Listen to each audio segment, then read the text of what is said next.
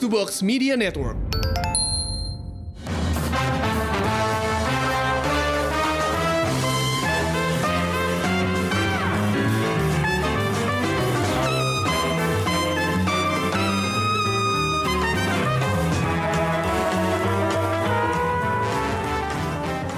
Halo, jumpa lagi di Showbox Podcast dengan gue Lisa. Dan gue Amy. Hai Amanda, how's uh, Hai. life treating you? oh my god, jamuran gue di rumah. Oke, uh, buat pendengar Showbox yang kemarin kayak, oh katanya udah balik kok, uh, absennya lama lagi, ya begitulah ya. Karena di tengah pandemi corona ini sebenarnya uh, saya sebagai seorang wartawan jadi makin sibuk hidupnya gitu ya. Eh, dan kebetulan uh, Amy juga baru mulai um, kerjaan baru ya, Amy ya. Iya, baru mulai bulan Maret kemarin. Ternyata. Dan itu gimana? Uh, how's the new job? Kayak lo su- lo suka apa enggak atau uh, lo jadi sempet uh, jadi nggak sempet nonton apa kayak apa itu akan mengganggu kehidupan penontonan lo apa enggak? Kalau yang pasti sih sekarang gue jarang punya waktu buat keluar rumah ke bioskop dan secara bioskop juga tutup juga kan. Ya. Jadi eh, gue eh, di sela-sela gue kerja tuh biasanya gue pasang satu dua episode dari Netflix atau HBO Go gitu. Jadi kayak Ah, oke. jadi untuk break time gue, gue jadinya banyak streaming. Gue sekarang udah eh, gue pasang tuh Netflix, HBO Go, Eh, View, itu udah semua udah jadi mantap. temen gue buat kerja. jadi eh, nggak ada bioskop, streaming pun ya ya udah pakai streaming aja Iya. gitu kan semuanya gitu. Gue Iya. gue Gue juga bahkan- melakukan hal yang sama sih sebenarnya tapi gue gantian karena gue nggak mau boros-boros jadi kayak bulan ini Netflix terus gue kemarin coba trial Apple TV um, Oh. ya udah gitu nanti eh, HBO tuh gue lagi nun lo lagi nonton apa di HBO Gue sekarang lagi nonton Westworld sih, cuman Hmm. emang agak stop dulu karena Westworld itu kan lagi banget. Jadi gue memutuskan ntar aja deh kalau udah selesai gue binge semuanya gitu. Ya. Kebetulan eh, kemarin di View eh, gue nemu beberapa film Korea Parasite salah satunya yang pengen gue tonton ulang. Jadi ya gue bayar deh langganannya. ah oke oke Selama ini nonton gratis, jadi karena ada Parasite itu kan, gue pengen banget nonton lagi ya udah, gue bayar aja gitu. Oke oke. Eh, gue lagi nungguin eh, jadi ada show namanya Run di HBO. Gue lagi nunggu itu kelar baru gue langganan. Biar hemat kak, dolar naik ya mahal. Jadi kita harus Iya, punya mahal. Ini aja kayak tadinya gue mau upgrade Netflix gue kan jadi family gitu, yang Ya. family subscription yang buat bisa ditonton di banyak device, tapi aduh mahal ya. Secara di di rumah ini penontonnya kan ya nontonnya nggak di komputer banyak banget gitu, jadi cuma satu central komputer aja gitu. Jadi yaudahlah sampai sekarang jadi gantian aja kalau misalnya gue mau nonton ya gue pakai, kalau nyokap mau nonton nyokap pakai gitu. Hmm, Oke, ini kita hari ini bakal ngomongin eh, film terbaru di Netflix. Ini tuh sebenarnya film tahun berapa sih? Kan ini baru nongol di Netflix ya. Kita akan ngebahas soal Extraction, eh, yang Chris dibintangi Hemsworth. sama Chris Hemsworth. Em, jadi eh, ini kan kemarin baru keluar ya di Netflix dan Mm. gue pikir kalau kita mau ngeri, kita kan udah nggak mungkin nge-review film bioskop nih gitu.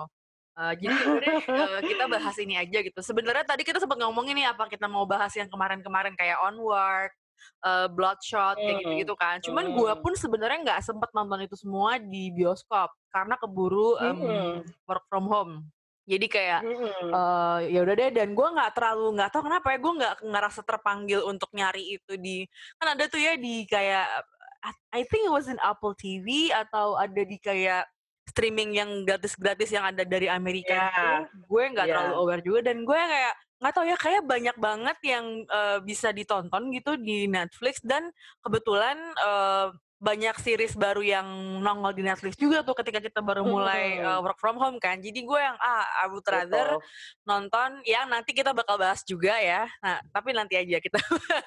Eh, Oke, buat eh, semoga ya setelah ini kan kita terhitung udah enam minggu nih eh, work from home gitu. Jadi gue harap eh, semua udah, maksudnya di- mungkin kita udah jamuran dan segala macam udah bosen tapi tentu saja gue berharap semua pendengar showbox sehat-sehat eh, nggak ada yang kekurangan kalau Hmm. eh, ada yang pemasukannya keganggu atau Mm-mm. kesehatannya terganggu semoga lo semua segera dikasih jalan keluar karena eh, jujur aja gue untuk dapetin mood eh, mau rekaman terus mau ngobrol gitu gue ngerasa gimana ya aduh lagi pandemi gini orang bakal mau nggak sih dengerin kita ngomongin film eh, segitu niatnya gitu kan Eh, maksudnya di kita lagi banyak ini tuh Iya. kita lagi dikasih cobaan banget ya nggak sih? Kayak aduh gimana ya moodnya orang-orang gitu. Gue sempat Iya. berpikir gitu juga sih. Eh, ya udah kita langsung lanjut aja untuk ngomongin extraction. Seperti biasa eh, ada sesi non spoiler dan juga ada sesi spoiler jadi jangan khawatir. Tapi sebenarnya eh, karena filmnya film full action eh, susah kalau misalnya kita ngebahas eh, apa yang terjadi di film tanpa spoiler gitu kan jadi Hmm. Uh, mungkin di sesi non spoiler kita akan lebih banyak membahas dari sisi produksi filmnya, uh, dari sisi orang-orang pembuatnya, baru kemudian uh, kontennya kita bahas di sesi spoiler gitu kali ya, biar gampang. Hmm, Uh, hmm. jadi Extraction ini film yang dibintangi Chris Hemsworth. Uh, di sini si Thor, cie. Thor berperan sebagai seorang uh, itu apa ya kayak uh, soldier nggak jelas gitu kan maksudnya uh, dia itu uh, pet- assassin you think atau apa Uh, I would call him a mercenary. Jadi Hmm.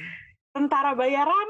Ya, tentara Kayaknya- bayaran. Ya, uh, jadi kayak dia emang sengaja mendapatkan, eh, sengaja nyari pekerjaan-pekerjaan yang berbahaya gitu. Eh, Hmm. Ini jadi orang Australia, jadi eh,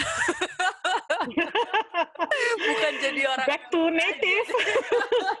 back to nature seperti yang lo lihat salah satu dia adegan awal ketika ngeliat dia dia terjun aja gitu ke eh, kayak jurang gitu kan gue yang kayak oke fine. Dia tinggal terjun nam jadi Chris Hemsworth berperan sebagai Tyler eh, Tyler Rake Tyler Rake Hmm. Em, dan bertugas menyelamatkan eh, anak seorang drug lord dari Dhaka dari Bangladesh yang diculik sama saingannya di India. Gitu. Eh, karakternya sebenarnya kalau menurut gue si Tyler ini cukup stereotypical ya nggak sih yang kayak ah, baik Hmm. antara baik dan jahat terus yang kayak of course dia eh, ngelihat misi-misi berbahayanya sebagai sebuah eh, redemption gitu kan karena ada kejadian di masa lalu yang me- menyiksa dia secara psikis gitu. Um, Mm-mm. Cuman yang menarik sebenarnya adalah ini film keroyokan eh, anak-anak lulusan Marvel. Eh, jadi Hmm. em, selain Chris sebagai Thor, ad- ini tuh disutradari oleh Sam Hargrave. Eh, ini tuh kalau gue Google-Google dia adalah dulu stunt coordinator di film-filmnya Marvel. Eh, Ya, tapi- termasuk Avengers Endgame ya. Iya, nah tapi di Endgame itu katanya dia juga second unit director. Mm-mm. Ah, gitu kan. Nah, di film uh, Extraction ini skripnya ditulis oleh Joe Russo merupakan saudara dari Avenger Endgame gitu kan. Jadi menurut gue ini emang kayaknya mereka selama syuting eh kita habis ini ngapain ya, geng? Eh ya udah kita bikin aja nih lo saudaranya, gue yang nulisnya, ntar si Chris tuh yang main jadi jadi aktornya gitu kan. Kalau gue rasa sih gitu tuh kayak lagi ngobrol-ngobrol, ngebir-ngebir gitu. Dan ternyata cerita Extraction ini eh, diadaptasi dari komiknya Joe Russo yang namanya Ciudat. Nih gue gak ngerti sih ini Jo- nge- nyebutnya gimana. Lo udah dari udah udah riset belum soal ini, Amy? gue bahkan nggak tahu kalau ini adaptasi. Eh gue menyangkanya ini menyangkanya ini eh, original screenplay-nya Joruso. Ya bisa dibilang original screenplay ya orang dia juga bikin komiknya ya nggak sih? Ya makanya. Tapi tapi maksudnya kalau bahwa dia nulis screenplaynya ba- eh, Joruso gue tahu. Karena ini proyek lumayan gue sempat dengar bahwa mereka mau bikin extraction ini di zaman-zaman Avengers Endgame main tuh kan banyak tiba-tiba bermunculan berita-berita bahwa oh mereka bakal reunian lagi nih. Nah, salah satunya yang waktu itu dibicarakan adalah selain 21 Bridges yang di dimainkan oleh Chadwick Boseman, salah satunya adalah si Extraction ini. Hmm, oke. Dan kayaknya waktu itu udah diumumin deh mainnya di Netflix. Jadi gue udah ah, aman karena Netflix Indonesia jadi dia Hulu gitu. Ya. heeh. Kalau misalnya mainnya di Hulu, gue mungkin nggak akan se gue baru tahu belakangan bahwa ini disutradarai oleh si Sam Hargrave. Berarti emang proyeknya anak Marvel banget sih ini. Yeah. Meskipun uh, production company-nya ada Indianya juga ya, maksudnya yeah. mereka uh, kayaknya collaborate sama production house di India untuk facilitate pada saat mereka syuting di sana gitu. Hmm. Mungkin kalau misalnya kita mau ngebahas soal Indianya gitu ya, lo gimana ngeliat uh, India dan Bangladesh yang jadi latar dari film ini gitu? Uh, langsung nih ya, nggak sebenarnya uh, ini uh, masuk ke salah satu kritikan gue terhadap film ini. Uh, hmm, Oke. Okay. Sebenarnya sebenarnya kita udah tahu kalau apa namanya uh, India tuh kalau di Hollywood tuh di diportray sebagai uh, negara yang orangnya banyak, uh, miskin, uh, kotor, banyak slums. Uh, tapi bahkan pada saat sebuah film uh, itu menceritakan kisah-kisah tentang masyarakat India yang miskin dan tinggal di slum seperti Slumdog Millionaire, mereka masih uh, menunjukkan ada semacam apa ya uh, bahwa nggak semuanya kayak gitu gitu. Sementara di sini kalau menurut gue mereka sepertinya emang nyari yang yang yang kumuhnya itu gitu. Hmm, Makanya iya, iya. gue sebenarnya agak-agak kurang serak sama penggambarannya film ini karena hmm. di saat, saat di saat di mana ditunjukkan ada yang bagus-bagusnya itu kelihatan agak fake gitu. Hmm. Tapi uh, justru giliran yang bagian kumuh-kumuhnya tuh mereka tampilin real banget gitu. Karena kesannya tuh Iya gitu, gitu. Jadi ya. kayak yeah. apa sih uh, Bangladeshnya, uh, Indianya tuh ya gitulah. Jadi ya. kayak yeah. gue merasa uh, ini sudut pandang Hollywood banget gitu loh. Jadi hmm, gue yeah, kayaknya, yeah, yeah. Mm. you know, yeah, yeah, yeah, yeah, gitu deh. Kalau gue uh, sempet kayak uh, teringat uh, film action buatan negeri sendiri karena gue ngerasanya kayaknya kalau di Indo bisa lebih keren karena kayak come on gitu kan uh, cuman itu nanti kita bahas kalau udah ngemasuk ke sesi ini aja hmm. udah masuk ke sesi fight scenes-nya gitu cuman okay. kalau lo ngelihat uh, Chris Hemsworth-nya sendiri sebagai Tyler, uh, Tyler uh, Rake ini gimana apakah karena banyak yang uh, nyebut-nyebut John Wick juga kan yang yang sebagai uh, franchise uh, action yang lumayan sukses bukannya lumayan ya emang sukses banget gitu kan mm. Uh, gimana lo ngelihat Chris Hemsworth di karakter ini gitu? Karena kalau gue rasa kan sebenarnya dia sebagai salah satu pentolannya Marvel gitu ya orang-orang uh, aktor terlama di uh, Marvel franchise gitu mungkin dia juga lagi nyari karakter lain yang bisa uh, just as iconic as Thor. Mungkin nggak se magnitude-nya nggak segede Thor karena uh, siapa bisa ngalahin dewa gitu kan. Cuma maksudnya ngerti nggak? kayak lo lo kayak lo ngeliatnya gimana? Karena kalau gue ngelihatnya uh, ini tuh kayak serba nanggung gitu kalau mau dibanding banding. Maksudnya kayak kalau misalnya kita ngelihat kayak Keanu Reeves sebagai John Wick gitu ya. Hmm. Uh, terus siapa lagi tuh yang action action gitu kan? Nah, maksud gue uh, ini tuh agak lumayan nanggung gitu. Walaupun kalau lo lihat ending ya, kayaknya sih arah-arahnya mungkin bisa ke situ gitu. Cuman I don't know. Hmm. Gue, uh, I wanna uh, hear from you juga sih, Amy. Oke. Okay. Uh, kayaknya kalau dibandingin sama John Wick uh, bisa, meskipun uh, John Wick tip, ya tipe karakter yang beda gitu kan, the yeah. strong and silent type gitu. Hmm. Kalau ini tuh kalau menurut gue tipe hero soldier yang sebenarnya di film-film lain tuh banyak gitu.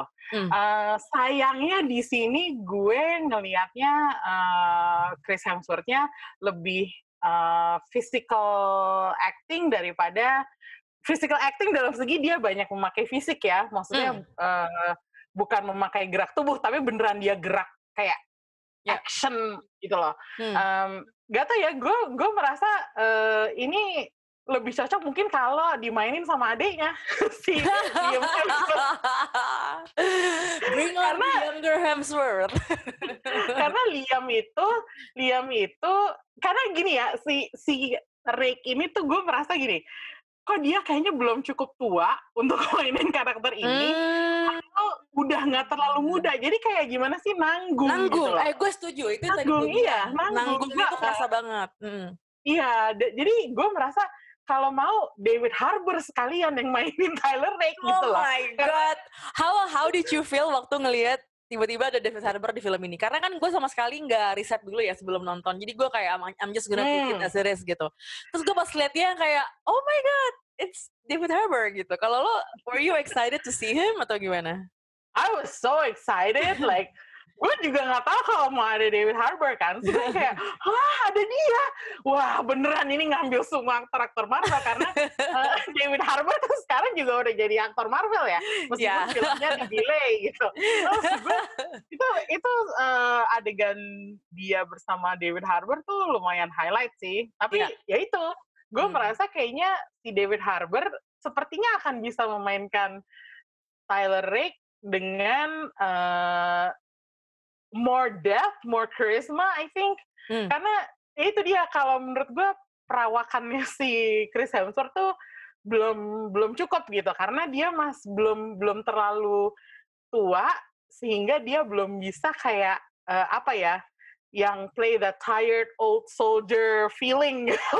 Oh my God, yes. Gimana sih jelasinnya? And that is Jadi- something that Keanu Reeves, uh, Keanu Reeves tuh bagus banget. Yes, kan? exactly. Jadi kayak Iya, iya. mood, like kayak the overall mood as a somber, gloomy person tuh menurut gue Keanu Hmm. lebih dapet gitu. Dan di sini tuh gue ngerasa kenapa gue uh, sebut-sebut John Wick juga gitu karena gue ngera- agak ngerasa uh, lumayan maksa nih karakternya si Tyler Rake dibuat se gloomy ini gitu karena nggak tahu Iya. kenapa ya apakah kita terlalu sering melihat Chris Hemsworth di sosial media gitu sebagai orang yang kayak goofy ngerti gak sih yang bercanda-bercanda Iya. mulu gitu I don't Iya, know. iya. Nah, maksud gue juga mungkin karena eh, ini juga kali karena eh, di sini kurang diimbangi dengan jadi dia kelihatan di sini kan tadi yang gue bilang kan physical banget, Hmm. action porsinya dia tuh eh, banyak banget, Iya. sampai kayaknya dia tuh kayak eh, gak mengembangkan sisi personality atau sisi psychological dari si Rake-nya Yes. ini gitu. Karena ini Jadi kayaknya ya- geng-geng uh, film action semua ya, baik dari sut- sutradaranya kan Iya. stunt coordinator, terus mungkin uh, Ah. Joe Russo-nya juga sebagai yang tadinya punya pengalaman sutradara, dia jadi penulis doang, jadi kayak mungkin nggak terlalu berperan dalam lapangan juga gitu. Jadi gue ngerasa memang agak-agak Ah, nah. timpang di situnya. Gue setuju sih kalau itu. Nah, kalau bisa gue bandingin lagi, tadi gue Ya. sebut 21 Bridges. 21 Hmm. Bridges tuh kan dimainkan oleh Chadwick Boseman. Itu Ya. castnya juga wow, eh, apa lumayan lumayan stellar gitu kan. Ya. Nah, itu eh, si Chadwick Boseman kalau menurut gue eh, menampilkan sisi yang udah mature. Dia sudah sa- udah sampai di umurnya dan Yes. penampilan dia juga cukup gitu untuk menyampaikan karisma seorang detektif yang you know yang ada di tengah-tengah korupsi apa segala macem.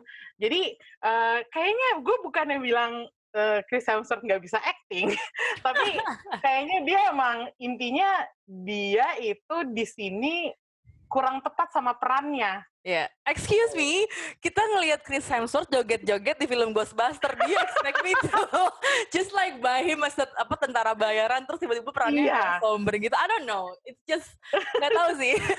bukannya gue bukannya gue minta dia jadi stereotypical role aja gitu ya. Cuman ah, gue Hmm. emang lihat sosoknya dia dengan matanya yang twinkling kayak gitu tuh kayaknya emang terlalu eh, apa ya komedi gitu kayak Iya, apalagi Thor itu di film Avengers dua film Avengers Ya. terakhir kan perannya kan lumayan makin komedi, komedi. ya. iya, makin lama makin komedi gitu. Jadi Iya. kayaknya agak-agak jaring aja gitu bahwa Iya. setelah di- kita ngelihat Thor yang eh, apa yang brewokan terus rambut gimbal nggak jelas gitu tiba-tiba jadi kayak gini gitu itu apa agak terlalu timpang aja sih bener kata lo Iya, iya, iya. Itu kayaknya efek psikologis penonton yang emang udah sering lihat Kim eh, Chris Hemsworth eh, sepanjang karirnya gitu ya. Jadi begitu ada yang kayak gini agak-agak ah, apa gini. Eh, Oke, kita akan masuk ke sesi spoiler karena kita mau akan langsung bahas um, fight scenes. Uh, I think it's a lot of like good fun action, tapi ntar kita bahas uh, di sesi spoiler berikut ini.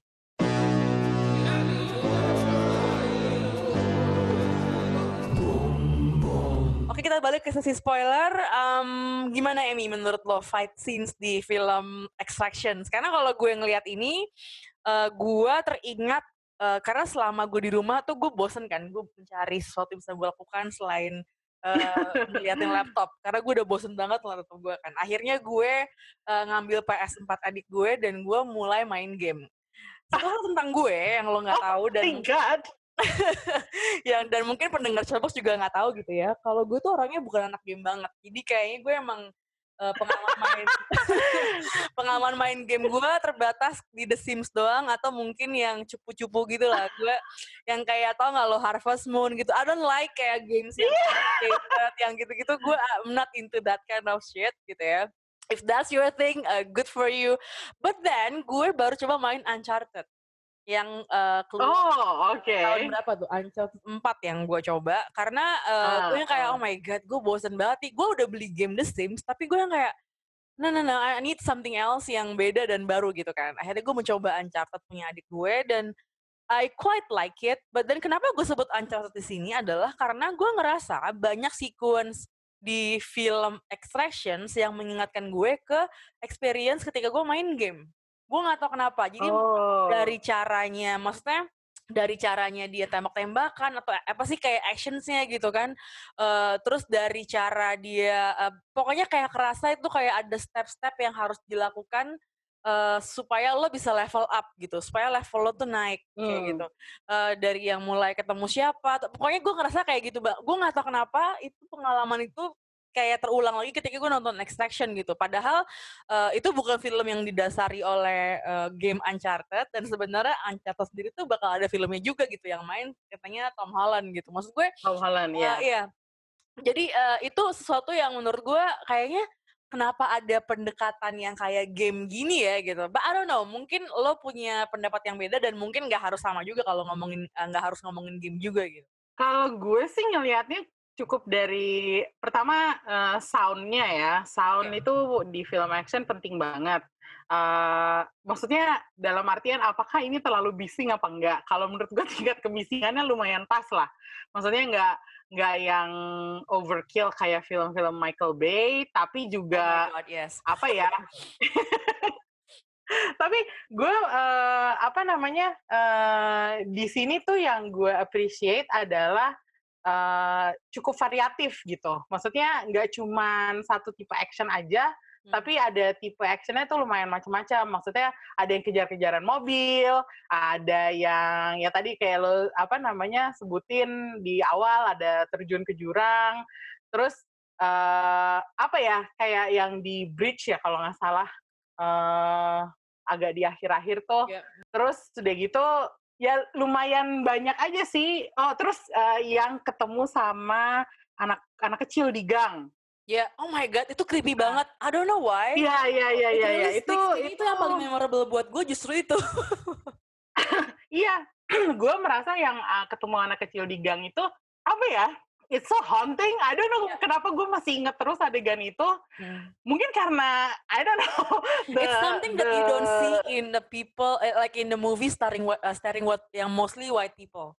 Karena kayak di dunia yeah. white people tuh anak-anak kecil tuh kayaknya nggak mungkin jadi kayak gitu jadi kayak gangster gitu yeah. kayaknya emang cuma terjadi di negara-negara tertentu aja. In in this case tuh misalnya kayak ya kayak India gitu gitu kan. Di di negara kita pun memungkinkan mm. itu terjadi. Jadi kita kayak ngelihat itu yang kayak anjir nih serem banget sih. Kayak lo diserang uh, orang-orang yang mau nyakitin lo tapi mereka ini anak-anak kecil gitu. Kayak what do you do? Gitu kan. Yeah. itu kayak uh, lo bisa ngelihat um, uh, apa ya pergolakan emosinya si Tyler juga di situ kayak ini kalau gue nggak serang uh, gue yang metong kalau misalnya gue serangnya anak kecil gitu kan uh, dan itu ngeri iya. banget sih karena, dan di situ ya. dan, dan iya adegan itu juga nunjukin uh, ya itu konflik psikologisnya si Rick kan maksudnya ya itu yang tadi lo bilang gue yeah. serang salah gue defend myself And juga kok rasa lost his son atau gimana sih ceritanya si Iya dia dia kayak kan? kehilangan dia kehilangan anaknya gitu loh hmm. jadi So I'm pretty uh, sure dia juga keinget itu kan? juga gitu iya. kan. Yeah. Mm. Uh -uh. Okay. Dan apa uh, masalahnya dia juga lagi ngejagain anak kecil juga gitu. Yeah, yang Jadi, dicari yang di yang diselamatkan juga anak cowok kecil juga anak kecil cowok juga gitu. Iya, dan ya itu dia maksudnya dari seluruh film ini meskipun action actionnya bagus, tertata rapi, terkoreografi dengan baik, maksudnya looks natural gitu ya. Tapi justru adegan yang di gang itu yang apa ya kelihatannya kelihatannya unchoreographed loh maksudnya kayak Iya. it's so, so, spon- so spontaneous Iya. kesannya tuh kayak mereka lagi syuting terus tiba-tiba ada anak kecil datang nodong senjata ke mereka gitu gue tuh ngerasa adegan di gang itu tuh salah satu highlight film ini yang yang Iya. beneran bring It's really home haunting, the- ya. yeah bring Yeah. home the fact that this is not Yeah. your uh, first world country this is Yeah. a third world country dan anything can happen man in this Ya, in this setting gitu ya. jadi ya eh, itu sih kalau menurut gue actionnya ya emang rapi dan bagus tapi adegan-adegan yang kayak gitu tuh yang kecil-kecilnya yang eh, gue juga teringat salah satu kayak pembicaraan antara si eh, Ovi ya namanya ya si Ya, anak Ovi, benar. ha. Oh, si Ovi itu sama si eh, Tyler di rumahnya si David Harbour kalau nggak salah. Ya. Pokoknya yang yang lagi di kamar gitu, terus udah gitu mereka ngomong kayak ada semacam word exchange yang kayaknya lebih meaningful daripada mereka lari-lari dikejar sama polisi sama penjahat gitu. Gue nggak tahu kenapa adegan-adegan yang tenangnya justru yang bikin kayak apa sih yang bikin gue lebih into this movie daripada action scenes-nya gitu. Um, the guy who plays the apa Saju ya namanya ya. Nama dia Saju ya. Oh, I really like him. I really yes, like him. me too, me too. Tapi gue nggak ngerti apa yang terjadi dengan karakter dia, tau nggak lo? Kayak gue ini aneh banget. Jadi gue suka banget sama seperti Randip Huda ya, eh, nama Randy nama- eh, aktornya gitu. Gue suka banget dengan performa dia di film ini. Eh, tapi gue tuh nggak ngerti dengan jalan ceritanya, Emi. Karena kenapa? Kalau misalnya dia sejago itu, karena kan awalnya gue kira tuh dia cowok-cowok cupu gitu doang kan. Eh, Hmm. Dia dimarah-marahin sama bosnya si siapa sih drug lordnya itu. Kenapa lo nggak ngawasin anak gue segala macam gitu kan? And then she, and then he said ke istrinya gitu dia bilang I know a guy who can do this gitu, which is um, Tyler Rake gitu kan. Tapi ternyata eh, Saju turns out to be eh, cowok yang bisa berantem juga gitu. Iya. gue tuh kayak sempat awalnya yang kayak loh loh tunggu ini kenapa jadi pada berantem ya gitu.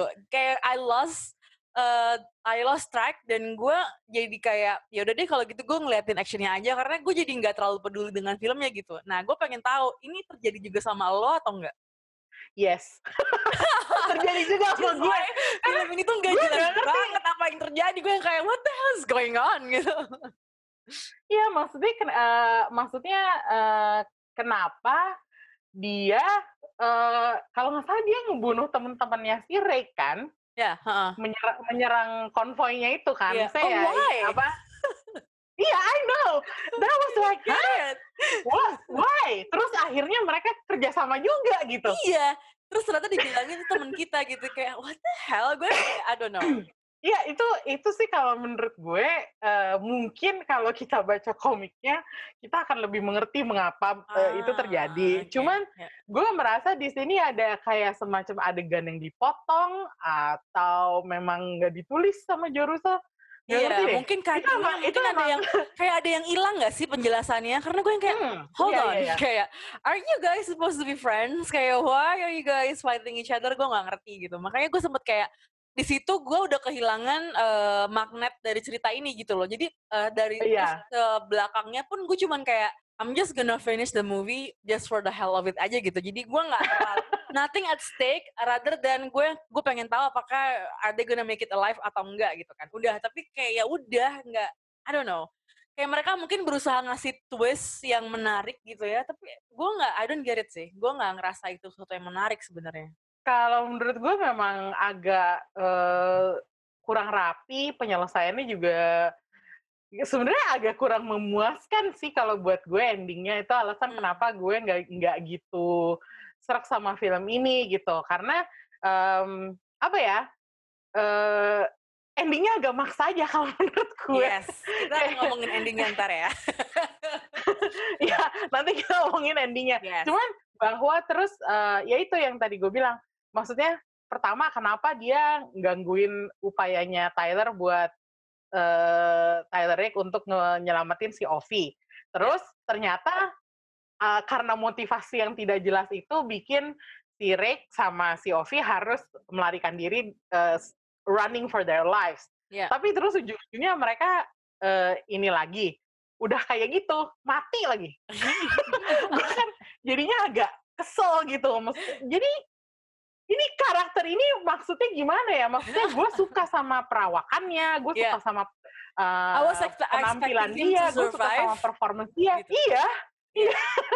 itu agak-agak. Terus udah gitu jadinya uh, ini satu komplain gue juga. Maksud hmm. gue, why him that is dead gitu? Maksudnya yeah. uh, kalau ya ini kan berhubungan sama endingnya ya. It is implied yeah. That uh, a certain protagonist lives while I think, the, I think this is the local character so we dies. Say, we can say that, that Tyler uh, Tyler is dead supposedly, but is he really dead? Gue juga nggak tahu.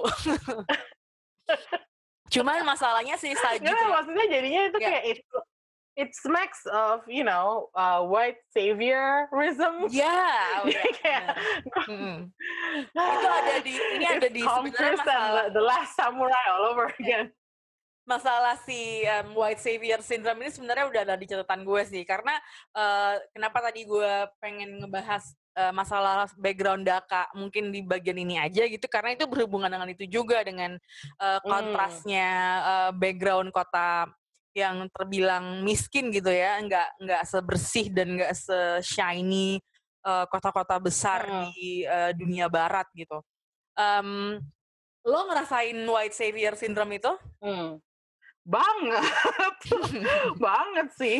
Hmm. Maksudnya uh, the fact that uh, the person that gives the job is a is an Indian, terus yang diselamatin juga Indian, terus uh, yang Saju itu kan bisa dibilang villain yang yeah. bukan villain gitu ya. Yeah. Mm. Dianya juga uh, apa namanya? Dianya juga colored person gitu. Tapi maksud mm. gue jadinya tuh kayak ya udah, ya adanya cuman si Tyler Rake aja doang satu nih.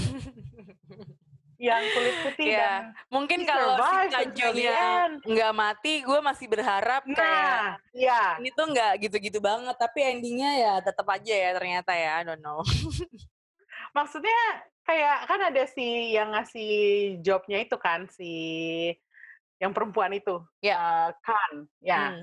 nah maksudnya uh, she survive until the end, tapi peran dia terlalu minor nggak sih untuk yes. kayak make an impact gitu? Ya, gue sebenarnya ada berharap karena kan dia awalnya muncul cukup garang tuh ketika dia ngasih job ini ke Tyler hmm. gitu ya.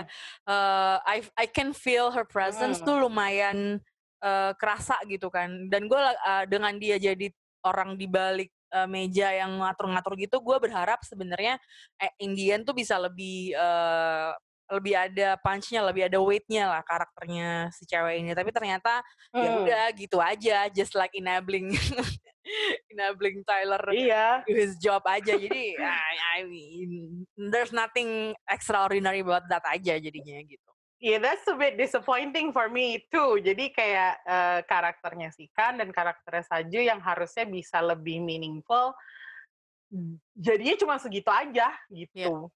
Uh, Oke, okay, let's talk about the ending. Jadi ketika karakter Ovi, um, jadi karakternya Chris Hemsworth yang namanya Tyler Rake ini uh, mat mati ketembak, uh, terus dia kecebur sungai dan uh, tenggelam gitu ya. Uh, itu adalah recall ke adegan awal ketika kita pertama kali melihat uh, Tyler di sebuah alam bebas di Australia yang tiba-tiba dia terjun ke jurang dan dia kan nggak mau nongol langsung ke permukaan gitu dia malah nahan napas lama-lama di dalam karena memang itu kayak buat ngegambarin like he's a very troubled tortured person gitu emang dia suka uh, cheating on that segala macam jadi uh -huh. uh, mungkin Joe Russo dan Sam Sam Hargrave berpendapat kalau oke okay, let's uh, ini akan jadi adegan bagaimana dia mati. Dan itu I can see that from miles away. Ketika dia pertama kali nyebur gitu gue yang kayak don't tell me ini adalah cara ntar dia mati gitu. Gue yang kayak please don't gitu. And then it happens gue yang kayak oke okay Oke, okay, Joe Russo and Sam Hargrave. um, what do you think? Gitu? Karena endingnya terus kita ngelihat Luffy uh, di kolam terjun dan uh, begitu dia naik ke permukaan ada sosok di belakangnya yang burem. But it's obviously Chris Hemsworth gitu kan. Obviously tapi diburemin aja gitu. Yeah. what do you think? Aduh itu endingnya maksa banget sih kalau menurut gue. Kayak kayak uh, after a movie that spends so much on apa ya kayak gratuitous uh, gratuitous action uh, tembak-tembakan yep. meskipun ada dikit-dikit adegan kecil-kecil yang lumayan meaningful uh, tapi endingnya tuh dibikin so artistik yeah. gak jelas gitu. So nebak-nebak, so nebak-nebak. Gue gak ngerti sih, Liz. gue gak ngerti lagi sih, Liz. Gue kayak, hmm. gak maksud. I don't know what I don't even know what to say anymore. I think, karena yeah I think they're building they they they they want like a like a loose ending biar kalau misalnya ya biasa lah kalau nanti kalau orang-orang resepsinya bagus terus mau dibuat lagi there's a, there's a apa ada celahnya buat menghidupkan kembali karakternya si uh, Tyler Rake ini dan dan mereka kayaknya memang mau bermain di isu uh, mortality-nya itu gitu. Kalau orang-orang yang susah mati yang ini yang mungkin yang emang pengen digambarin di karakternya karakter utamanya gitu sih kalau gue. Cuman aduh udahlah gitu kan. Kalau kalau bisa dibandingin sama John Wick yang pertama, ya entah kenapa lebih satisfying John Wick yang pertama ya. Maksudnya hmm. that he walks away yeah. with the dog itu jauh lebih apa ya jauh lebih gut punching daripada hmm. yang this one gitu daripada yang dia di mukanya diburemin terus yeah. apa pas si Ovi-nya nengok tiba-tiba fade to black gitu yeah. bukan fade to black black out gitu maksudnya nggak tahu kenapa it leaves me with a sense of dissatisfaction gitu yeah. jadinya uh. jadinya kayak ah ya kalau lo emang mau bikin film tembak-tembakan yang seru ya udah sih yeah. tampilin aja mukanya kenapa harus iya. diburumin yeah. maksudnya kalau emang gitu gini lo kan bermain dengan ini ya dengan resiko apa something at stake someone is at stake gitu kan seseorang dalam bahaya gitu. hmm. gitu ya udah either dia mati dan lo bikin karakter lain yang lebih keren atau ya udah beneran nih orang uh, pure die hard aja gitu ya nggak sih maksud gue yeah. it, it's a, it's an action uh, it's an action film uh, it's what people expect gitu kayak kenapa harus mencoba yeah. so terobosan? I don't know gitu. Gue kayak rasanya kayak so, open ending tapi jadinya ngeselin gitu. Iya itu itu banget sih.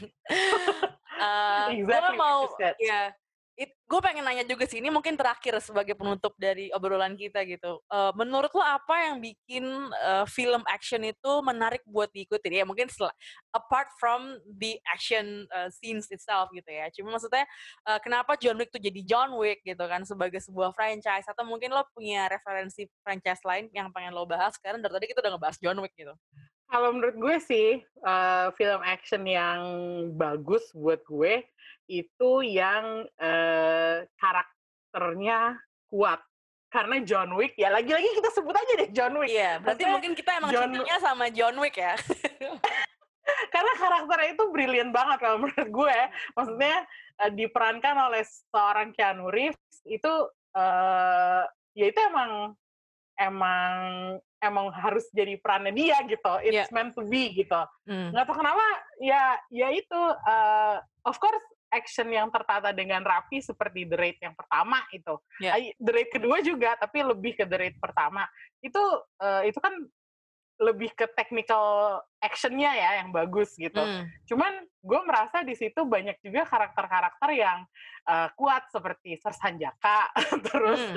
si Mad Dog gitu, mm. terus karakternya Doni Alamsyah, ya karakternya Iko itu juga, yeah. maksudnya banyak karakter-karakter yang bikin kita invested gitu di di sini gitu. Yeah. Nah uh, kalau di Extraction ini, uh, kalau menurut gue ya itu kan tadi kita udah obrolin Chris Hemsworth uh, is not charismatic enough, shall we yeah. say gitu. Hmm. Nah, jadi kalaupun ini diterusin bakalan jadi ada sequelnya atau dilanjutin menjadi sebuah franchise ya harus banyak banget yang dikerjain dari sisi karakter itu. Yeah. Tapi um, untuk sebuah film action um, yang penting karakternya harus kuat aja kalau buat gue ya yeah. karakter, harus ada karakter satu karakter yang bikin and then you gotta root for the guy ya nggak sih or the iya, girl iya iya karena kita harus root for someone yeah. we have to root for either the villain or the yeah. the the hero gitu siapalah tapi yang penting nama uh, kalau boleh dibandingin uh,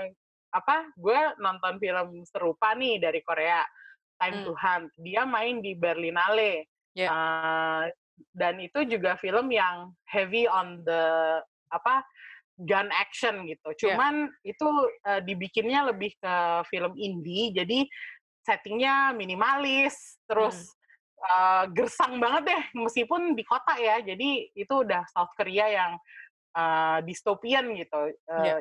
istilahnya. Hmm. Dan di situ karakter-karakternya menarik. Yeah. Jadi uh, salah satu pemerannya itu ada yang main jadi uh, anak tertua di Parasite, yeah. Choi Woo-sik. Yeah. Nah itu uh, apa karakter dia menarik, karakter utamanya temennya dia menarik juga. Jadi ya emang harus ada karakter sih yeah. harus karakter yang bisa dipegang. Karena ya. kalau cuma ngeliatin actionnya aja pasti bakalan capek. Dan lo tau gak sih ketika gue nonton Extraction ini karena gue ngerasa uh, awalnya kan oke okay, kita semua pengen uh, rooting ke karakternya Tyler ya tapi ternyata dia karakternya nggak terlalu menyenangkan gitu kan. Terlalu dark terlalu gloomy dan nggak nggak apa saja gitu kan. Dan ternyata gue mulai suka dengan karakternya Saju gitu Iya. Ternyata sajunya mati. so, so there's no way to win, right? Um, and then gue mulai ngerasa gini, ini tuh film sebenarnya miss opportunity banget. Kenapa? Karena wouldn't it be great kalau sebenarnya karakternya Tyler tuh dibuat seselengean mungkin, tapi jago berantem. Iya. Ya kan? Seselengean ala-ala Chris Hemsworth.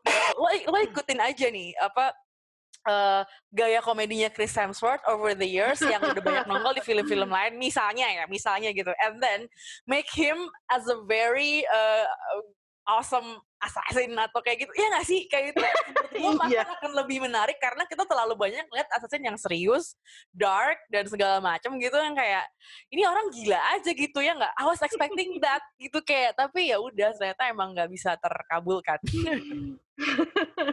Damn Joe. Ya, iya sih. Itu emang miss opportunity banget sih kalau menurut gue. Yeah. Or you know, like the franchise could be built around Saju. Why not? Oh my God, yes. Why do you need Chris Hemsworth? Chris Hemsworth udah mati ya. And then the guy who appears in the the guy who appears at the end should be Saju gitu loh. And then he can just be an Indian hero. And we're all like, kita bakal suka sama yeah. dia juga gitu loh. Cause like he's awesome. yeah. And he's like, he has a, like, dia punya keluarga yang harus dia urus juga gitu loh. Like, I keep thinking about yeah. his wife and his son gitu. Yang kayak, oh no. Kayak Sajunya mati. Gue yang kayak, I hate that. But then ya udah. Jadi curhat. We're still better over saja. Yap. Uh, Oke, okay, itu dia tadi pembahasan kita soal uh, film Extraction. Uh, filmnya tayang di Netflix, jadi uh, silakan langganan Netflix nonton. Uh, filmnya durasinya hampir dua jam ya, uh, dan uh, enaknya kan kalau nonton di Netflix bisa lo download dan lo taruh di handphone lo dan lo bisa nonton uh, kayak kayak Emmy gitu. Jadi di antara makan siang atau di antara istirahat-istirahat kerjaan yes. gitu ya.